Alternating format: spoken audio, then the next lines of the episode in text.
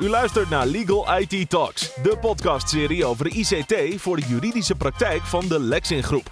Deze podcast zijn opnames van onze live webinars, waarin we soms ook demonstraties geven. Voor het beeld bij deze demonstraties gaat u naar www.lexin.nl/slash legal IT Talks.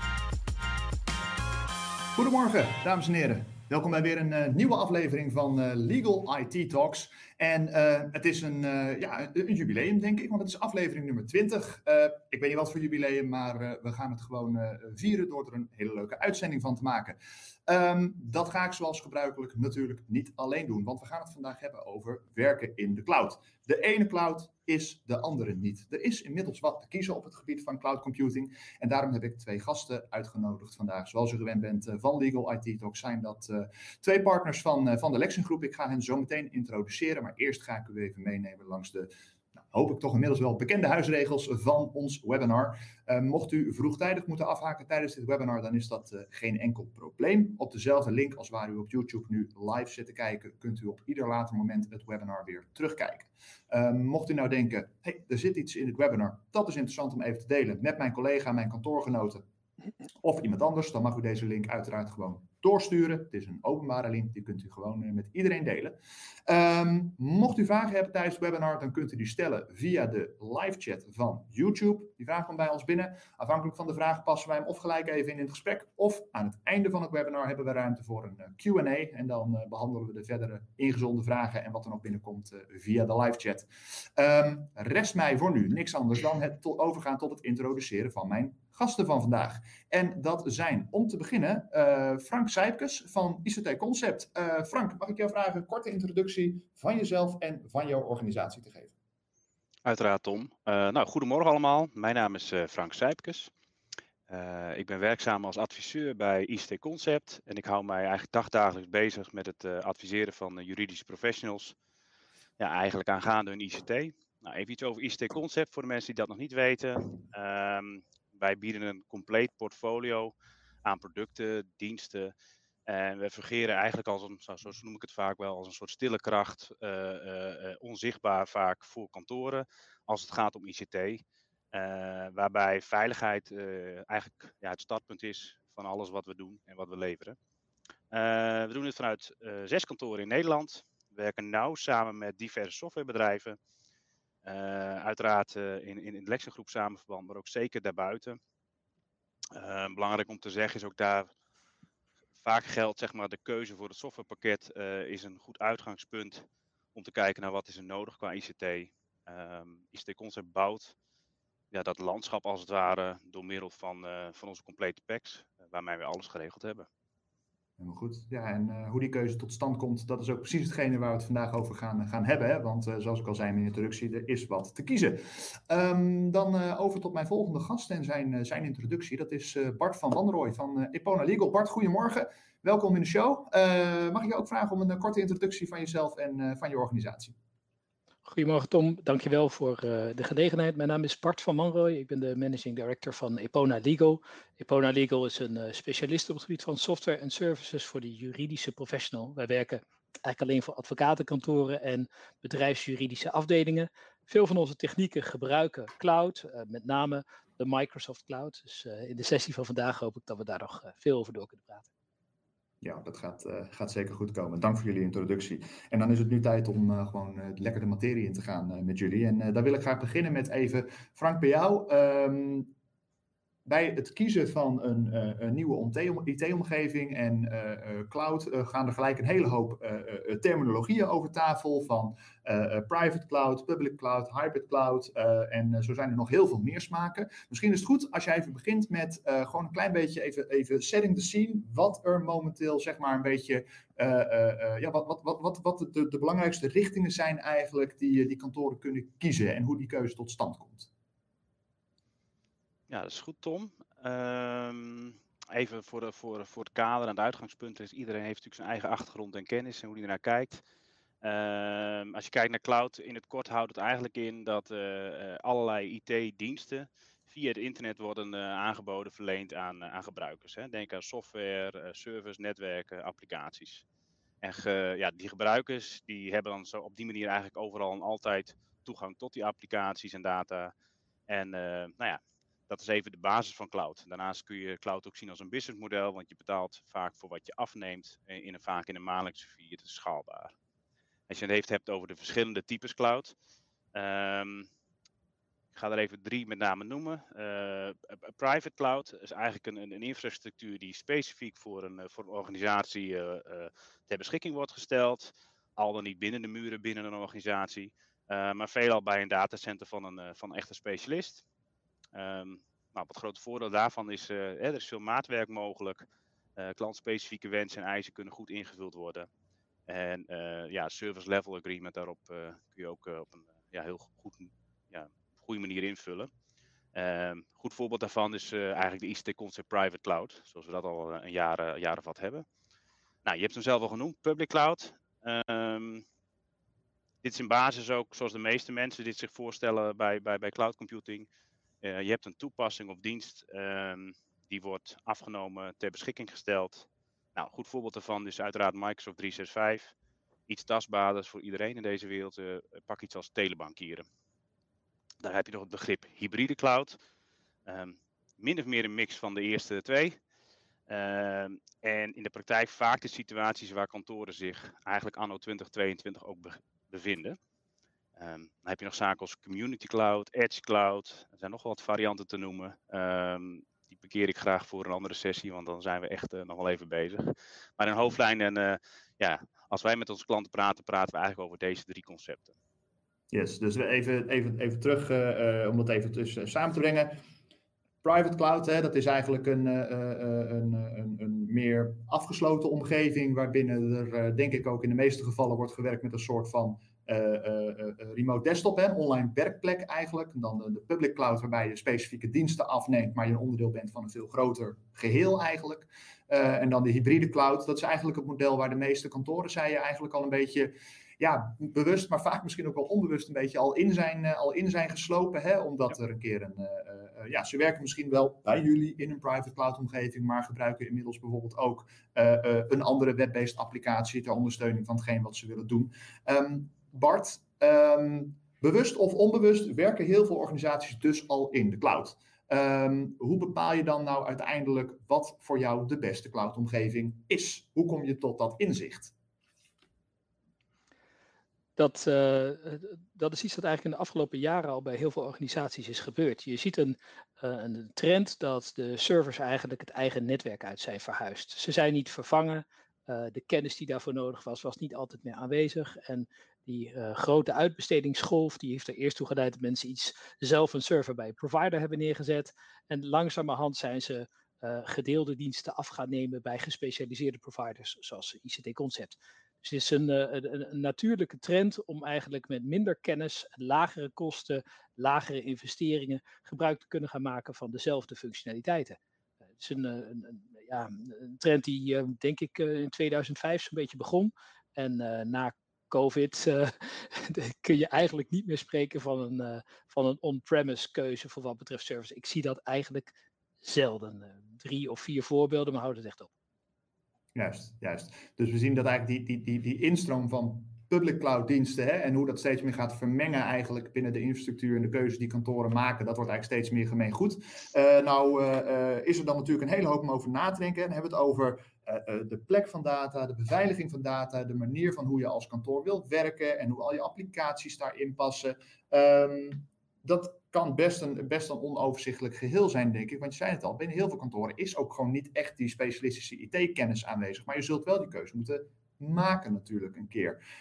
Public cloud heeft daarbij, Bart, kijk even naar jou, heeft daarbij toch altijd een beetje een zweem gehad van onveiligheid. Um, uh, uh, ik parkeer mijn data bij, bij, bij, een hele grote jongen en dat, dat wordt dan in een grote bak gegooid met, met de data van andere kantoren. Dus ja, kan iedereen daar dan zomaar bij? Kun je daar wat, wat toelichting op, op, geven hoe dat in de, in de praktijk nou echt eraan toe gaat?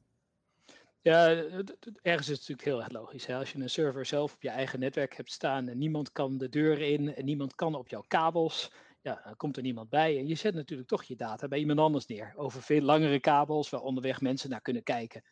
Uh, misschien is een, een goede vergelijking. Uh, ik denk dat Frank het ook al maakte weer met het uh, bankwezen. Ik maak al heel veel jaren gebruik van een bankpas om geld te pinnen bij een pinautomaat. Dat is een zeer publieke clouddienst waar beveiliging ontzettend belangrijk is. En ik heb nog nooit geld gepind van de rekening van Frank dus de, het is eh, betrekkelijk uh, veilig, want wordt wij gegarandeerd door de aanbieder dat al die verbindingen, die data en zo, dat die ontzettend veilig wordt verwerkt. maar er leeft bij mij natuurlijk nog wel de zorg dat de gemiddelde accountmanager van de Rabobank misschien via de systemen gewoon kan kijken wat voor saldo ik heb. Daar heb ik eigenlijk helemaal geen beeld van. Dus bij cloud leeft bij mensen toch de angst van vertrouw ik de leverancier en de manier waarop die met die data omgaat. Eh, in de wereld van eh, ISO-certificatie zijn in de afgelopen jaren ontzettend veel stappen genomen om ervoor te zorgen dat je dat vertrouwen kunt hebben. Ik uh, zou uh, aan de hand van een voorbeeld wel kunnen illustreren hoe uh, Microsoft eigenlijk omgaat met, met, met dit type beveiliging en de angsten die daar op, op dat vlak zouden leven. Wil je dat ik dat even deel? Ja, ja graag. Okay. Um, ja, het, is iets dat eigenlijk zo simpel is dat, uh, dat je het gewoon in twee seconden snapt als je het eenmaal hebt gezien. Het heet Bring Your Own Key. Kijk, normaal gesproken heb je Um, en ik, dan probeer ik even eentje, een slide naar rechts te gaan, maar ik merk dat, uh, dat, dat, uh, dat ik dat op een andere manier moet doen. Normaal gesproken heb je versleutelde data bij Microsoft. Dat betekent dat als het op je eigen harde schijf staat, je BitLocker gebruikt of je gebruikt een versleuteling in de databases. En als ik data, woordbestanden tussen mijn computer verplaats naar Microsoft, gebruik ik ook encryption in transit. Uh, dus HTTPS of TLS of dat soort protocollen, waardoor eigenlijk de pakketten die ik die kant op verzend over het netwerk veilig zijn. Dus ze staan veilig bij Microsoft versleuteld en ze bewegen veilig over het publieke netwerk daar naartoe. In die zin, er zijn geen zorgen. Alleen, ja, hoe zit dat dan met die versleuteling? Als dat dan bij Microsoft staat, staat dat op hun servers. Kan Microsoft dat lezen? Nou, ze zullen het niet doen, hè, want er zijn allemaal uh, procedurele beschermingen daartegen. Daar wordt veel, ze controleren zichzelf natuurlijk ontzettend veel. Maar je kunt als klant heel makkelijk ook zelf je eigen sleutel daaraan toevoegen. En zeggen van nou, uh, niet Microsoft's sleutel, uh, een customer managed sleutel, wordt, de Microsoft managed sleutel wordt door een customer managed sleutel vervangen. Dan zeg je gewoon mijn eigen versleutelingsset wordt gehanteerd. Daar kun je ook nog een beetje overdrijven. Dan zou je ook nog kunnen zeggen van nou, daar ga ik echt een hardwareapparaat voor gebruiken. Uh, Zo'n uh, zo, zo apparaat, een HSM heet dat, dat moet in bepaalde industrieën worden gebruikt. Bijvoorbeeld de bankaire, financiële industrie. Die zijn verplicht om minimaal 1, 2, 3 van dit soort apparaten in het netwerk te hangen. Om alles hardwarematig gescheiden van Microsoft nog separaat te versleutelen. Dus zelfs de sleutelsetten worden dan niet in een Microsoft-omgeving bewaard, maar worden uh, geëxternaliseerd aan een apparaat dat dat doet. Het zijn uh, best dure apparaten overigens hoor, dus uh, niet iets wat je heel erg snel doet. Het is iets dat niet heel veel geld en moeite kost om je eigen sleutelset te gebruiken, dat Bring Your Own Key. Het is een kwestie van een half uurtje werk. Je stelt in, ik wil mijn eigen sleutel gebruiken. Je betaalt voor de opslag van die sleutel een euro per dag ongeveer. Hè, want dan moet die sleutelverwerking die moet, moet gebeuren je data is in principe met je eigen sleutel versleuteld. Publieke cloud, in transit, veilig er naartoe, opgeslagen voor Microsoft niet te decrypten, alleen voor jou te decrypten. Je hebt er totaal geen last van. Want als ik het aanzet, dan ja, uh, ik kan nog steeds met mijn Word-applicatie gewoon de documenten ophalen en bekijken. Dus, dus volledig transparant geïmplementeerd. Het is iets dat aan de achterkant gebeurt er is nog wel een beetje zorg natuurlijk dat de applicaties die je gebruikt, zoals Windows of Word, dat die lek zijn. Dus je, je bent zelf niet beschermd tegen eh, bijvoorbeeld dat mensen keyloggers gebruiken om jouw toetsaanslagen op een of andere manier te vangen en door te sturen. Daar heb je mensen zoals Frank weer voor nodig om ervoor te zorgen dat dat endpoint, hè, dat uh, jouw werkstation, dat dat gewoon uh, veilig, goed afgeschermd en bijgewerkt is. Of je doet dat zelf, maar het, begint wel een beetje een specialisme te worden. Um, het voorkomt overigens niet dat Microsoft niet gewoon een extra user maakt en met die user toegang krijgt tot jouw data. Daarvoor zou je ook de audit logs goed moeten bekijken. Of je laat dat weer door iemand bekijken. Dus wat je ziet is een trend: bring your own key bij public hosting oplossingen in combinatie met toch veel meer auditing op, uh, op, op, op, dit soort toegang. En die auditing moet dan veilig blijven. Ook deze auditing kun je gewoon gratis aanzetten. In Advanced Audit kun je dat voor een lange tijd bewaren en je zou dat ook extern kunnen bewaren. Um, Bring your own key. Als je iets opnieuw introduceert, wil je eigenlijk, hè, net als bij een huwelijk, moet je altijd afvragen hoe ziet de scheiding eruit. Als je iets introduceert, moet je ook afvragen wat gebeurt er als ik die sleutel kwijtraak of uh, wanneer, ik, uh, wanneer die gecompromitteerd is. Ook daar zijn prima voorzieningen voor om weer van sleutel te wisselen of uh, ervan af te stappen. Dat is allemaal redelijk goed te doen. En dan eindig ik eigenlijk met, met, met, met een paar losse opmerkingjes nog. Iets van sinds, sinds die aanval in Oekraïne, waar ik me iets meer zorgen over maakt dan voorheen. Er kan natuurlijk een moment ontstaan waarop zelfs ook uh, Microsoft met haar publieke clouddiensten niet meer beschikbaar is.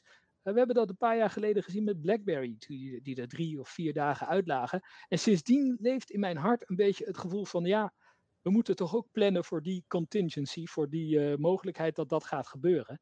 Um, let erop dat er heel veel hele goede Microsoft 365 backup oplossingen zijn, waarbij je buiten Microsoft een integrale kopie kunt maken van al je documenten en je e-mails die je bij hen opslaat. Het is natuurlijk nog steeds, heb je last van ontzettend veel verstoring als Microsoft een week zou uitvallen, maar al je data ben je niet kwijt. En ik adviseer u om uh, bij het gebruik maken van uh, publieke clouddiensten echt goed even na te denken over je disaster recovery. Hoe herstel ik van een ransomware aanval? Hoe uh, en oefen dat maar eens een keertje. En maak gebruik van dit soort vrij goedkope backup oplossingen om in ieder geval een uh, noodplan achter je te leggen.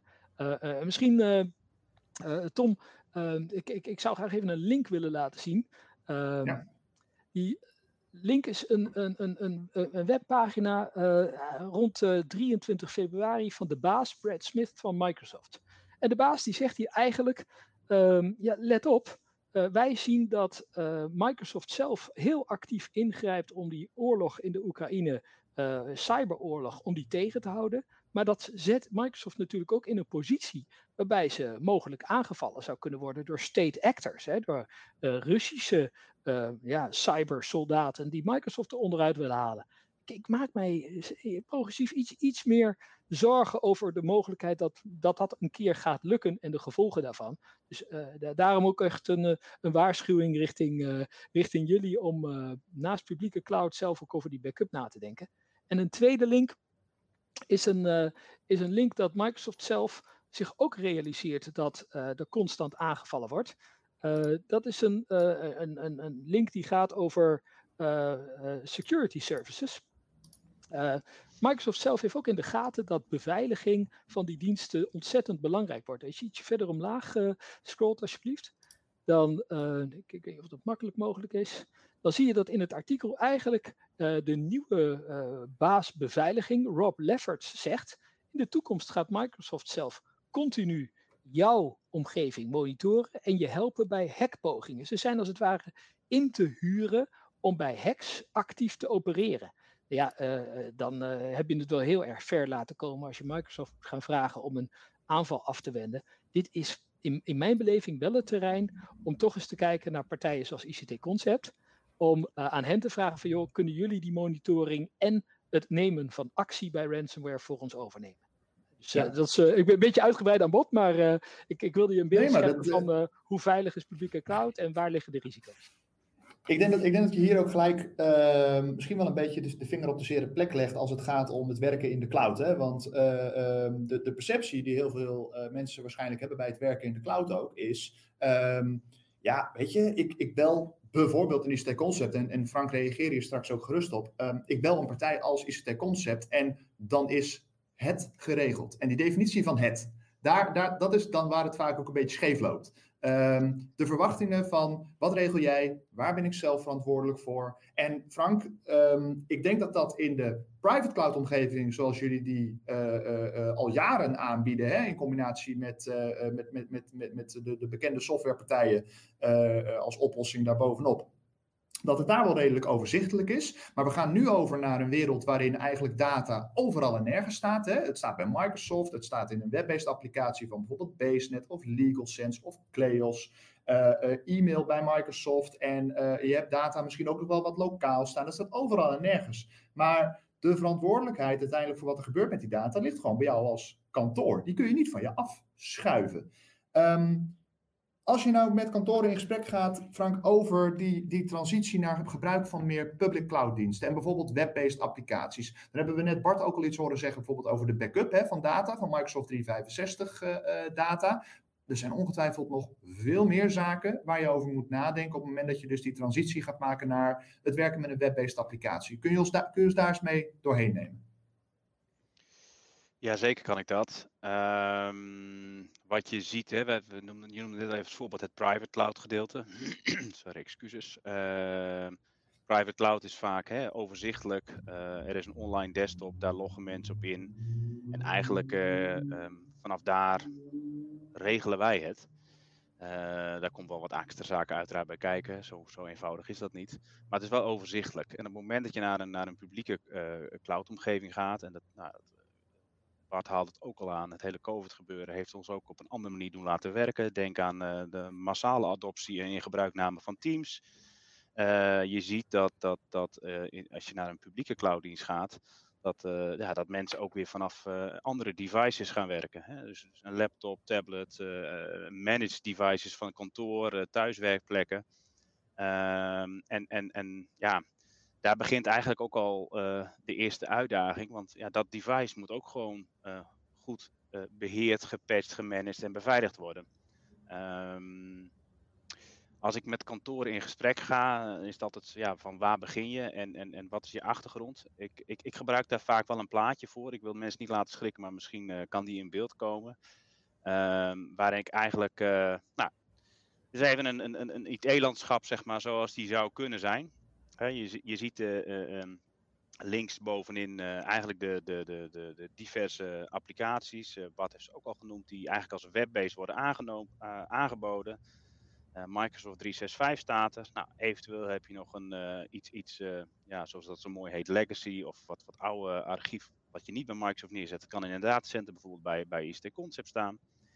Um, en um, ja, als kantoor zijnde wil je toegang hebben op een hele veilige manier naar al die verschillende cloud-omgevingen. Vanuit kantoor doe je dat vaak met, met een firewall, met een VPN-tunnel. Um, nou, vanuit huis met je eigen device of met de laptop van de zaak log je in met een stukje twee-factor authenticatie. Um, kortom, er zijn een heleboel zaken waar je over moet nadenken. En er zijn best wel wat, wat uitdagingen en aspecten die je gewoon moet adresseren. Ja, wat, wat wij als ICT Concept met name hebben gedaan, en we doen dit al eventjes. En, en deze transitie is niet van, van dit jaar, dit, dit is al een enkele jaren gaande. En ze hebben ook goed nagedacht over van oké, ons uitgangspunt is veiligheid. Um, hoe, hoe kunnen wij onze klanten, onze, onze relaties helpen? gewoon met pasklare oplossingen. misschien iets, ietsjes duidelijker door te zeggen van wij hebben, een, hè, we hebben bijvoorbeeld een, een, een Cloudpack 365 ontwikkeld. en daar hebben we eigenlijk al nagedacht over heel veel zaken die relevant zijn als het gaat om een, ja, stukje IT-landschap, beveiliging, monitoring en backup.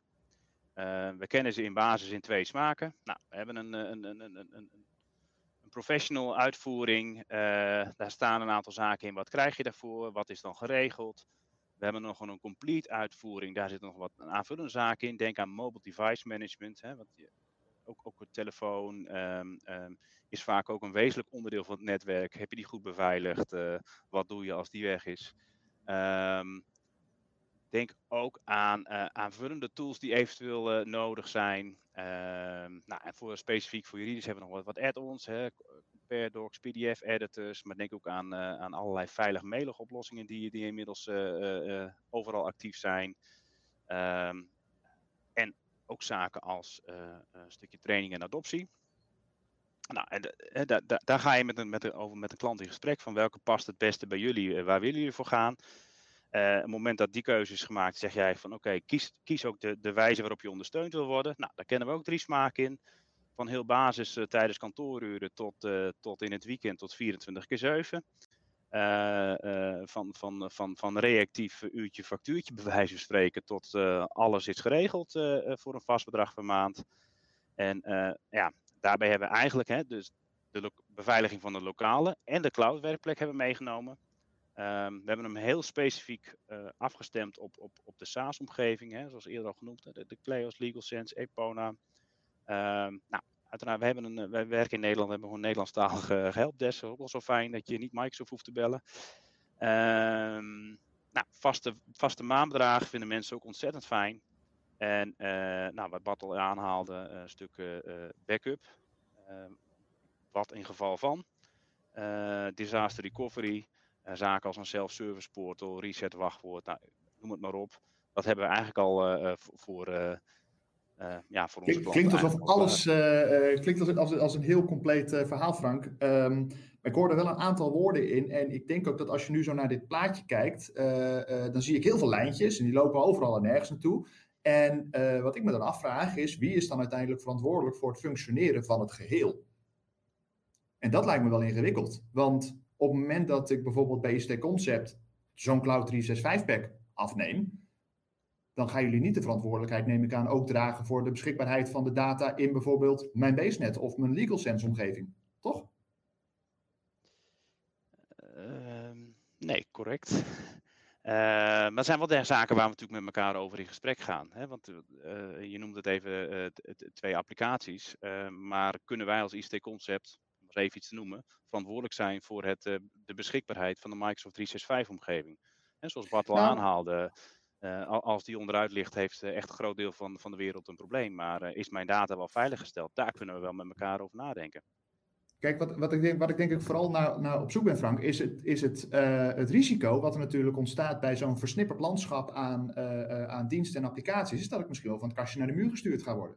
Want wanneer is er, als ik, als ik probeer in te loggen, iets aan de hand met iets wat er bij jullie gebeurt, en wanneer is er iets aan de hand bij een basenet? Hè? Daar, daar, kan natuurlijk ook een keer een storing zijn, precies wat je zegt.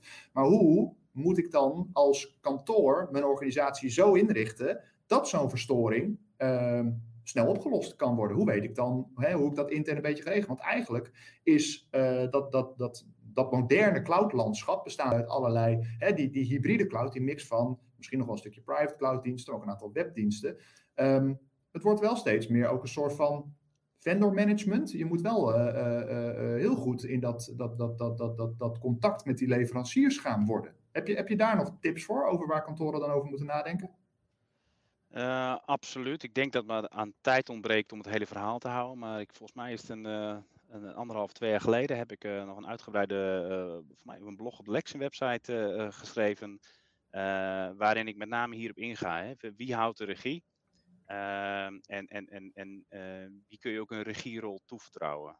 Kijk, heel eerlijk, ik spreek natuurlijk ook een beetje voor onszelf, maar als IST wij kennen land, het landschap, wij kennen de partijen, we hebben ook aan de achterkant contacten met partijen. En daar waar mogelijk en bij voorkeur willen wij ook ja, optreden als de partner. bel ons dan eerst. Om in ieder geval dat stukje regierol voor zover mogelijk over te nemen. Maar dat zijn wel gewoon zaken waar je gewoon transparant over moet communiceren. Ja. En ja, ik kan het niet mooier maken dan het is, maar ja, het, het, zijn dingen waar we in de praktijk gewoon heel goed met elkaar uit kunnen komen. Dat, dat is, dat is geen probleem. Oké. Okay. Um, Duidelijk. Bart, um, jullie zijn natuurlijk als, uh, als Epona grote uh, voorvechter misschien wel van het gebruik van Microsoft 365 uh, oplossingen. We hebben het uitgebreid stilgestaan bij de mogelijkheden die beveiliging daarbij, daarbij ook van Microsoft 365 biedt. En ehm, nou, ik denk dat inmiddels de, de gemoedsrust rondom public cloud, hè, dat dat wel een beetje begint, begint te sussen en het besef wel een beetje komt. Nou, dan kun je inderdaad wel met goed vertrouwen bij die partijen je data neerzetten. Sterker nog, jij bepaalt zelf wie een beetje de keys to the kingdom uh, krijgt. Al die nieuwe technologie maakt natuurlijk een hele hoop mogelijk. En ook het gebied van bijvoorbeeld het, het, het samenwerken aan informatie hè, en het samenwerken aan, aan stukken. Dat wordt natuurlijk ook heel erg goed mogelijk gemaakt door het gebruik van publieke cloud technologie. Um, en zou jij ons eens mee kunnen nemen langs wat nu dan die nieuwe opties zijn eigenlijk die zijn ontstaan door mag ik het de nieuwe manier van werken in de cloud noemen? Ik weet niet, want we werken natuurlijk al heel lang in de cloud. Um, maar door die introductie van Teams en uh, uh, natuurlijk ook, hè, jullie zetten al je DMS-data in SharePoint, um, kan er natuurlijk wel heel veel meer dan dat er vijf, zes jaar geleden misschien wel kon. Kun je ons kort meenemen langs de laatste ontwikkelingen op dat gebied? Ja, om, uh, om misschien iets belangrijks te demystificeren. Ehm, eh, mensen denken wel eens dat SharePoint of Teams of zo, dat dat iets anders is, of OneDrive, dat het iets anders is dan, dan dat er verschillende oplossingen zijn. Maar dat zijn eigenlijk dezelfde oplossingen. als je in de Microsoft-wereld iets opslaat, een document, dan sla je dat op op een C-schijf, een disk. Je slaat het op in een mailbox, hè, een mailstore, je inbox. Of je slaat het op in wat heet een documentenbibliotheek. Nou, wat je ziet is dat omdat dat dezelfde gedeelde technologie is, kan Microsoft met verschillende applicaties dat op verschillende plekken voor je beschikbaar maken. De grootste trend die wij nu zien is dat uh, mensen eigenlijk uh, van het reguliere bellen aan het overstappen zijn naar Teams als standaardmethode om elkaar te bellen. Dus eigenlijk, de, de, je wordt nauwelijks meer gebeld. We zien echt belvolumes enorm dalen en mensen gewoon alleen maar Teams als uitgangspunt te nemen. En dat forceert ook een trend dat de werkstations die vroeger in terminal servers waren geïnstalleerd, in heel veel gevallen langzamerhand allemaal losse computerinstallaties worden. En dat legt ook wel wat eisen op de systeembeheerpartijen om ervoor te zorgen dat die werkstations heel goed afgesloten zijn. Dat een mobiele telefoon, als die kwijtraakt, dat die automatisch of op afstand kan worden geleegd of getraceerd. mobile device management. Dus aan dat endpoint stukje zie je een verschuiving van een terminal server, dus een centrale geïnstalleerde omgeving, richting losse devices, maar dan wel devices waarvan de beveiliging goed wordt gemanaged. En aan de telefoniekant zie je een verschuiving van gewone telefoniegesprekken, mobiele gesprekken naar Teams-gesprekken. En voor ons zien wij een verschuiving van uh, permissies georiënteerde dossiers. Dus je mag alleen maar bij een bepaald dossier als je bij een bepaalde afdeling of team hoort zien we een verschuiving naar meer collaborative use. Dus samenwerken met je klant op een dossier. Dat is wel kinderschoenenwerk, want daar ontstaat een nieuwe angst uh, dat je binnen de organisatie moet kunnen bepalen wie mag nou rechten geven. Als je iedereen in de organisatie het recht geeft om rechten in te mogen stellen, ja, dan heb je niks meer aan rechten. want dan kan echt iedereen, en iedereen kan dan ook fouten maken. Dus de grote vraag waar klanten mee spelen die aan collaboration doen, is hoe hou ik die, uh, het instellen van rechten beheersbaar? Het laatste element in die trend daarbij is dat we van permissies naar zogenaamde sensitivity labels aan het overschakelen zijn. Dus als ik documenten deel in een Teams-omgeving, een shared channel heet dat, en uh, uh, Frank is de enige die erin mag, en Frank gaat dat vervolgens delen met Gideon, een collega, die, die wil die, dat Word-document delen, dan zal dat Word-document bij Gideon geblokkeerd worden. Want uh, er zitten rechten in het document. Dus hoewel de permissies ingesteld staan dat Frank uh, het document mag zien en gebruiken, zo gauw hij het in een teamsessie zou willen delen met screenshare, dan wordt dat zwart gemaakt zelfs. Uh, dus je, gaat, je ziet een verschuiving van permissions-based access to sensitivity labels. Daar eigenlijk labels die bepalen in de context van de plek waar het wordt gebruikt, of die gebruiker daar wel of niet gebruik van mag maken. Dat is een beetje de trend. Voor ons overigens conflicteert dat ook wel weer met een records management behoefte. Want als ik een, een document van rechten voorzie en Frank wordt de laan uitgestuurd en alleen Frank kan hem openen, dan is even de vraag eh, wat dat doet met ons dossier en de compleetheid daarvan. Dus het introduceert ook nieuwe dilemma's, hè? governance dilemma's en records management dilemma's. Sorry voor de Engels trouwens. Dat, uh... Nee, maar daar hangt de IT van aan elkaar, dus dat zijn we gewend. Uh, oh, sorry, dat, ja, dat komt ik weet de Nederlandse woorden ook eigenlijk niet meer goed. Ja, nee, dat, ook dat kan ik me iets bij voorstellen na zoveel jaar uh, natuurlijk uh, al ervaring in de IT. Dan, ja, dan verwatert dat natuurlijk het Nederlands. Um, Frank, toen wij dit webinar aan het voorbespreken waren, jij sloeg met je vuist op tafel en je zei: Tom, dit wordt een waardeloos webinar als wij het niet hebben over de adoptie van cloud-technologie. Um, en met name op het moment dat je dus die transitie gaat maken van de online werkplek, met al zijn voordelen, maar ook zijn beperkingen, uh, naar die transitie van, oh, nou moet ik opeens weer met een lokale werkplek gaan aan de slag. En ik heb een aantal applicaties toch weer lokaal geïnstalleerd en een stukje in het web. En mijn data staat daar en daar. En nu moet ik op dit knopje drukken om iets te doen in plaats van op dat knopje. Jij stond erop dat we uitgebreid bij die adoptie en die omslag stil zouden staan. Um, waarom is dat dan zo belangrijk? Nou, Bart noemde al wat, wat zaken, uh, wat er allemaal mogelijk is en welke verschuivingen er, er gaande zijn. Hè, met het verhaal van permissie en sensitivity labels, uh, policies, dat soort zaken. Um, er kan echt een hele hoop. En dat kunnen we ook goed inregelen. Ehm, en daar zit nog een element zelfs bij dat, dat, dat met de Microsoft-omgeving je ook nog kunt kiezen op welke manier je zou willen werken. Gebruik ik Outlook, Teams, SharePoint wil ik nog mijn lokale OneDrive? Er zijn ook allerlei keuzeopties, maar het valt en staat bij wel van, ehm, gaat dan de klant ook uh, echt daadwerkelijk de, de, de, de zaken gebruiken zoals ze zijn ingericht? En dat begint gewoon heel simpel. Kijk, vroeger had je een server uh, of een werkstation en je klikt de rechtermuisknop en je had de verkenner. Um, je kopieert, ik pak maar even gewoon een, een, een heel pragmatisch voorbeeld. Uh, je kopieert een, een, een, een document in uh, C uh, dubbele punt files klantnaam X. Kopiëren, plakken en zet hem in de mail. Um, die functies bestaan nog steeds. Het gaat alleen wel even op een andere manier. En op het moment dat je niet met elkaar in gesprek gaat over van god, dit zijn de mogelijkheden, dit is de manier wat allemaal zou kunnen. En uh, kies daarbij ook een, een, manier wat echt past bij jou als, als, als professional. Um, dan, dan, ja, dan is de ervaring, als, als, als mensen daar ook gewoon niet, niet de tijd en energie ja, in kunnen of willen steken, zeg maar, dat, dat dan vaak meer een stukje vooruitgang echt als een achteruitgang voelt. Knop, knopje zet eerst links en nu zit hij rechts. Um, hij moet wel gewoon weer links. Uh, dus het, het, stuk adoptie, zeg maar, is gewoon een belangrijk onderdeel op het moment dat we hier met onze ja, klanten, uh, kantoren mee in gesprek gaan. En daarnaast is het ook gewoon zo, uh, en, en, en ja, dat hebben we al niet voorzien in onze packs, maar um, een stukje uh, training van gebruikers en, en, en dat soort zaken. Ja, daar is, daar is, is zoveel content, om eens even weer een Engels woord erin te gooien. waarbij mensen in vijf minuten tijd een filmpje kijken, zeg maar, helemaal snappen alle ins en outs van hoe zet ik een Teams conference op, hoe nodig ik mensen uit, hoe deel ik op een verantwoorde manier files, tot aan allerlei toepassingen binnen het Microsoft-domein, uh, ja, waar ik nog niet eens van weet hoe ze werken, uh, die soms echt heel handig zijn op het moment dat je de, uh, daar een stukje training voor volgt. Ja. Dus, met name het stuk adoptie is wel, wel gewoon, van, gewoon key om ook te bespreken. Het gaat niet alleen over ja. beveiliging, maar ook om, om keuzes die je wil maken.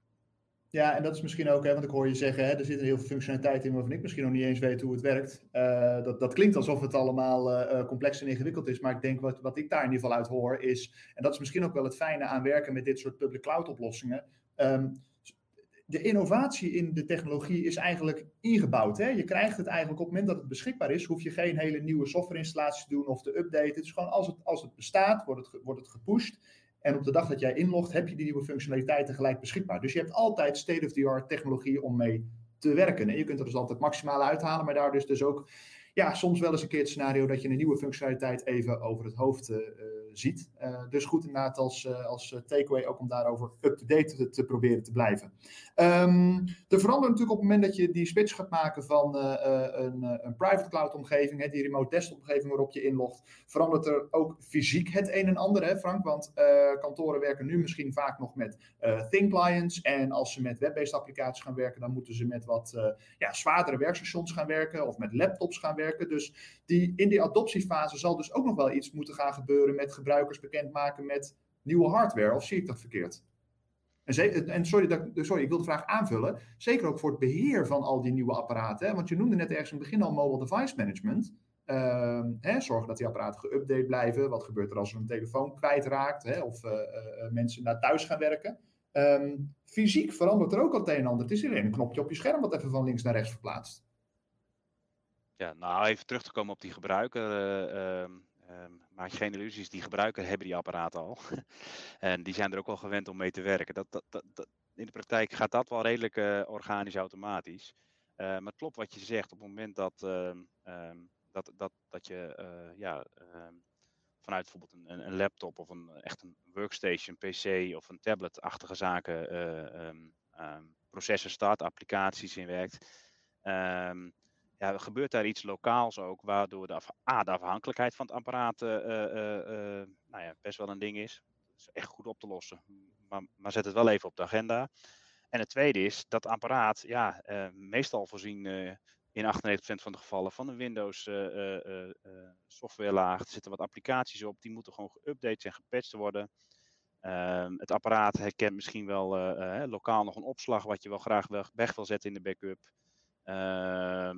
Ehm ja, dus, dus kijk goed naar, naar uh, hoe beveilig ik dat apparaat. Hoe zorg ik dat dat eigenlijk 24 keer 7 in een, in een bewaakt systeem zit. En uh, stem vooral met, uh, met je partner af van wat als daar iets gebeurt op dat apparaat. Um, zij het een security leak of, of een, een, incident. dan wel iets per ongeluks, dan wel hij valt in het water. Ehm, of in het scenario, hij wordt uit mijn achterklep van de auto gestolen. Um, denk daar gewoon goed over na. En, en dat, dat zijn, het is geen rocket science, maar het, net wat ik zeg, het verschuift gewoon wat meer naar, ja, naar het device waarmee je werkt. Ja, Oké. Ehm, Bart, ik heb nog even de laatste vraag uh, voor jou. En dan wil ik over naar de laatste twee ingezonde vragen. Het gaat ook nog even over die, die, die adoptie en die transitie. Want um, jullie zitten natuurlijk aan de softwarekant eigenlijk hè, van, van, van dit verhaal. Dus jullie zitten ook heel dicht tegen het, tegen het bedrijfsproces eigenlijk al aan van het kantoor. Ik, zie Frank even meer als de, aan de automatiseringskant. En jullie zitten dan echt aan de, ja, gewoon in de, ja, hoe het zeggen, gewoon echt heel dicht tegen, tegen hoe die documenten worden gebruikt en de dossiers. Wat zien jullie nou als waar kantoren tegenaan lopen als uh, uh, grootste uh, obstakels waar ze eigenlijk overheen moeten op het moment dat ze dus gaan werken met bijvoorbeeld data in die Microsoft-omgeving ten opzichte van waar het vroeger stond op een fileserver? Ja, ze, ze, gebruiken te veel de concepten die ze kenden. Dus hadden ze een F-schijf of een G-schijf, wordt eigenlijk gewoon die hele mappenstructuur wordt er neergezet. En uh, Microsoft heeft ook een beetje een ouderwetse manier van denken over informatie. Want uh, als je kijkt naar OneDrive, dan heb je eigenlijk nu een cloud toepassing die nog steeds een fileserver is. En uh, daardoor missen ze eigenlijk een van de grootste voordelen van Microsoft 365. Dat is de mogelijkheid om um, informatie met elkaar te verbinden en daar goed op te kunnen zoeken. Dus uh, het enige waar wij echt de nadruk op leggen bij de ontmoeting van uh, nieuwe klanten is, uh, we praten met ze over een recept. Hoe leg je de informatie vast? Hè? Bijvoorbeeld, is het aan een dossier gekoppeld of aan een cliënt gekoppeld? Is het een bepaald documenttype? Want in de kern zijn alle zoekopdrachten in Microsoft zijn gebaseerd op documenten-eigenschappen. Dus niet op hoe het in een filesysteem staat of de permissies of hoe de site heet. Helemaal niet. Dat is allemaal De hiërarchie is irrelevant. Uh, voor de doorzoekbaarheid gaat het om documenteneigenschappen. De zoekmachine gebruikt documenteneigenschappen. En als je daar een goed recept onder legt, een recept is gratis, hè? Het is, uh, je kunt het helemaal zelf koken als je dat zou willen, dan heb je daarna een fantastisch informatiesysteem. En wij zien eigenlijk een verschuiving in onze software naar, uh, naar een veredeld fileserver georiënteerde mappenstructuur met daarin items naar een meer zoekgedreven manier van kijken van, naar informatie. Dat je, het is ook zoveel geworden en het staat allemaal op één enkele plek. Als gebruiker mhm. wil je dat consistent hebben ontsloten. En dat kan alleen maar die consistentie als je een achterliggend recept hanteert voor hoe je die informatie structureert en opslaat. Dus doe je dat te veel, hop, we gooien het er allemaal maar op, dan heb je een veredelde cloud-gebaseerde fileserver zonder een goede zoekmachine. Denk daarover. Ja, juist. Dus kantoren proberen eigenlijk die traditionele manier van werken en informatie te organiseren toe te passen op nieuwe systemen. En dan loop je vast, want dan haal je ook niet het maximale uit de potentie van dat nieuwe systeem. Ja, en je hoeft dus maar één klein ding in de gaten te houden. Denk na over de doorzoekbaarheid. Zoeken doe je op documenten-eigenschappen. Leg een recept eronder. Dan ben je klaar. Juist, juist. Oké, duidelijk. Um, we hebben twee ingezonden vragen. Uh, dus daar wil ik uh, dit webinar mee gaan, gaan afsluiten. Voordat ik jullie allebei nog vraag om de laatste uitsmijter, de laatste gouden tip. Dus denk daar alvast even over na. Frank, een van de ingezonden vragen, dat is echt een. ja, ik, sorry, ik kan het niet anders zeggen dan is het echt een eerste conceptvraag. Um, die zegt, die vraag luidt. Um, wij werken inmiddels met, uh, dit is een advocatenkantoor overigens, wij werken inmiddels met meerdere web-based applicaties. En een van de zorgen die wij hebben gaat over de, de connectiviteit, met name op het gebied van de ik vermoed dat het bedoelt op de internetsnelheid. Zijn er nog zaken op het gebied van de internetverbinding en de beveiliging daarvan waar je over moet nadenken op het moment dat je met public cloud diensten gaat werken?